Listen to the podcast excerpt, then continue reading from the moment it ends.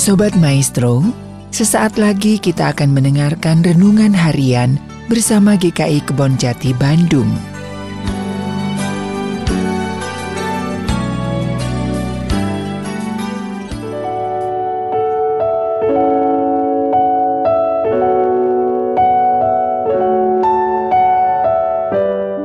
Salam sejahtera bagi saudara-saudara sekalian. Kembali lagi dalam renungan hari ini bersama saya, Kristi. Renungan kita pada hari ini diambil dari Roma 7 ayat 1 sampai dengan 6. Apakah kamu tidak tahu, saudara-saudara, sebab aku berbicara kepada mereka yang mengetahui hukum, bahwa hukum berkuasa atas seseorang selama orang itu hidup? Sebab seorang istri terikat oleh hukum kepada suaminya selama suaminya itu hidup akan tetapi, apabila suaminya itu mati, bebaslah ia dari hukum yang mengikatnya kepada suaminya itu. Jadi, selama suaminya hidup, ia dianggap berzina kalau ia menjadi istri laki-laki lain.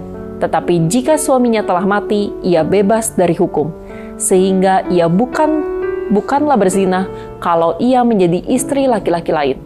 Sebab itu, saudara-saudaraku, kamu juga telah mati bagi hukum Taurat oleh tubuh Kristus, supaya kamu menjadi milik orang lain, yaitu milik Dia yang telah dibangkitkan dari antara orang mati, agar kita berbuah bagi Allah.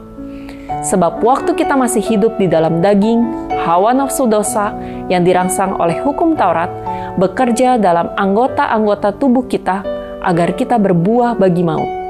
Tetapi sekarang kita telah dibebaskan dari hukum Taurat sebab kita telah mati bagi Dia yang mengurung kita sehingga kita sekarang melayani dalam keadaan baru menurut roh dan bukan dalam keadaan lama menurut hukum Taurat. Hukum atau aturan sejatinya merupakan sesuatu yang mengikat.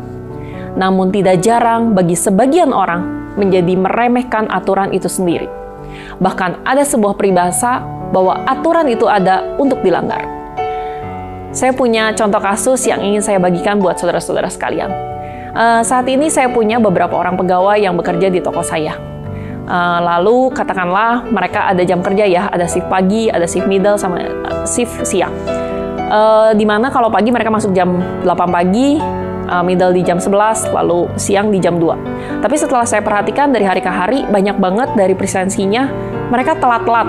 Entah itu telat satu menit, ada yang dua menit, ada yang lima menit, uh, sampai ada yang 20 sampai 30 menit. Alasannya beragam ada yang terkena macet, ada yang uh, bilang mogok uh, kendaraannya, ada juga yang bilang telat bangun dan lain sebagainya. Untuk mengatur itu semua, saya menerapkan suatu uh, punishment ya.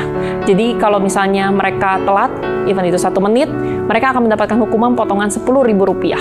Nah, semenjak uh, aturan itu diberlakukan, memang cukup drastis. Awalnya mungkin uh, masih banyak yang telat dan bahkan mereka uh, cuma presensi lalu mereka katakan oh ya maaf saya telat maaf saya telat sampai akhirnya uh, waktu gajian tiba dan mereka baru sadar wah saya telat selama tujuh kali di bulan ini. Saya telat selama 10 kali di bulan ini. Dan potongan itu terasa pas di di awal bulan ketika mereka menerima gaji mereka. Bisa 70 ribu bisa 100 ribu bahkan ada yang lebih.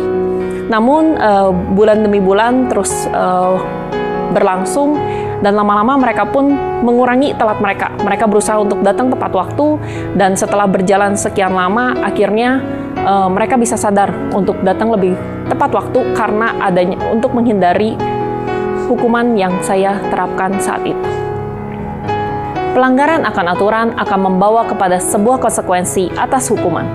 Siklus reward and punishment sering kali menjadi momok bagi setiap orang sehingga orang menjadi taat aturan bukan karena ia sadar bahwa hukum dan aturan itu baik, melainkan ia takut akan konsekuensi dari pelanggaran yang ia lakukan tersebut.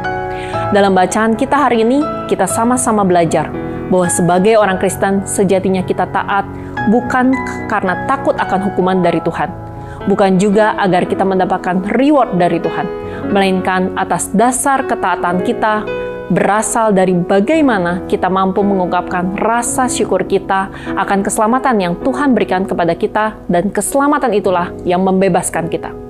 Melalui bacaan kita hari ini, kita semakin diyakinkan bahwa hanya oleh kematian Kristuslah kita memperoleh kebebasan.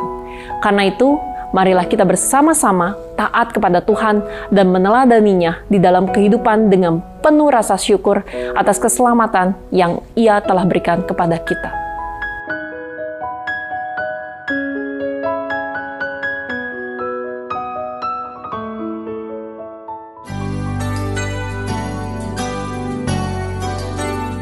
Sobat Maestro, baru saja Anda mendengarkan renungan harian bersama GKI Kebon Jati Bandung. Tuhan Yesus memberkati.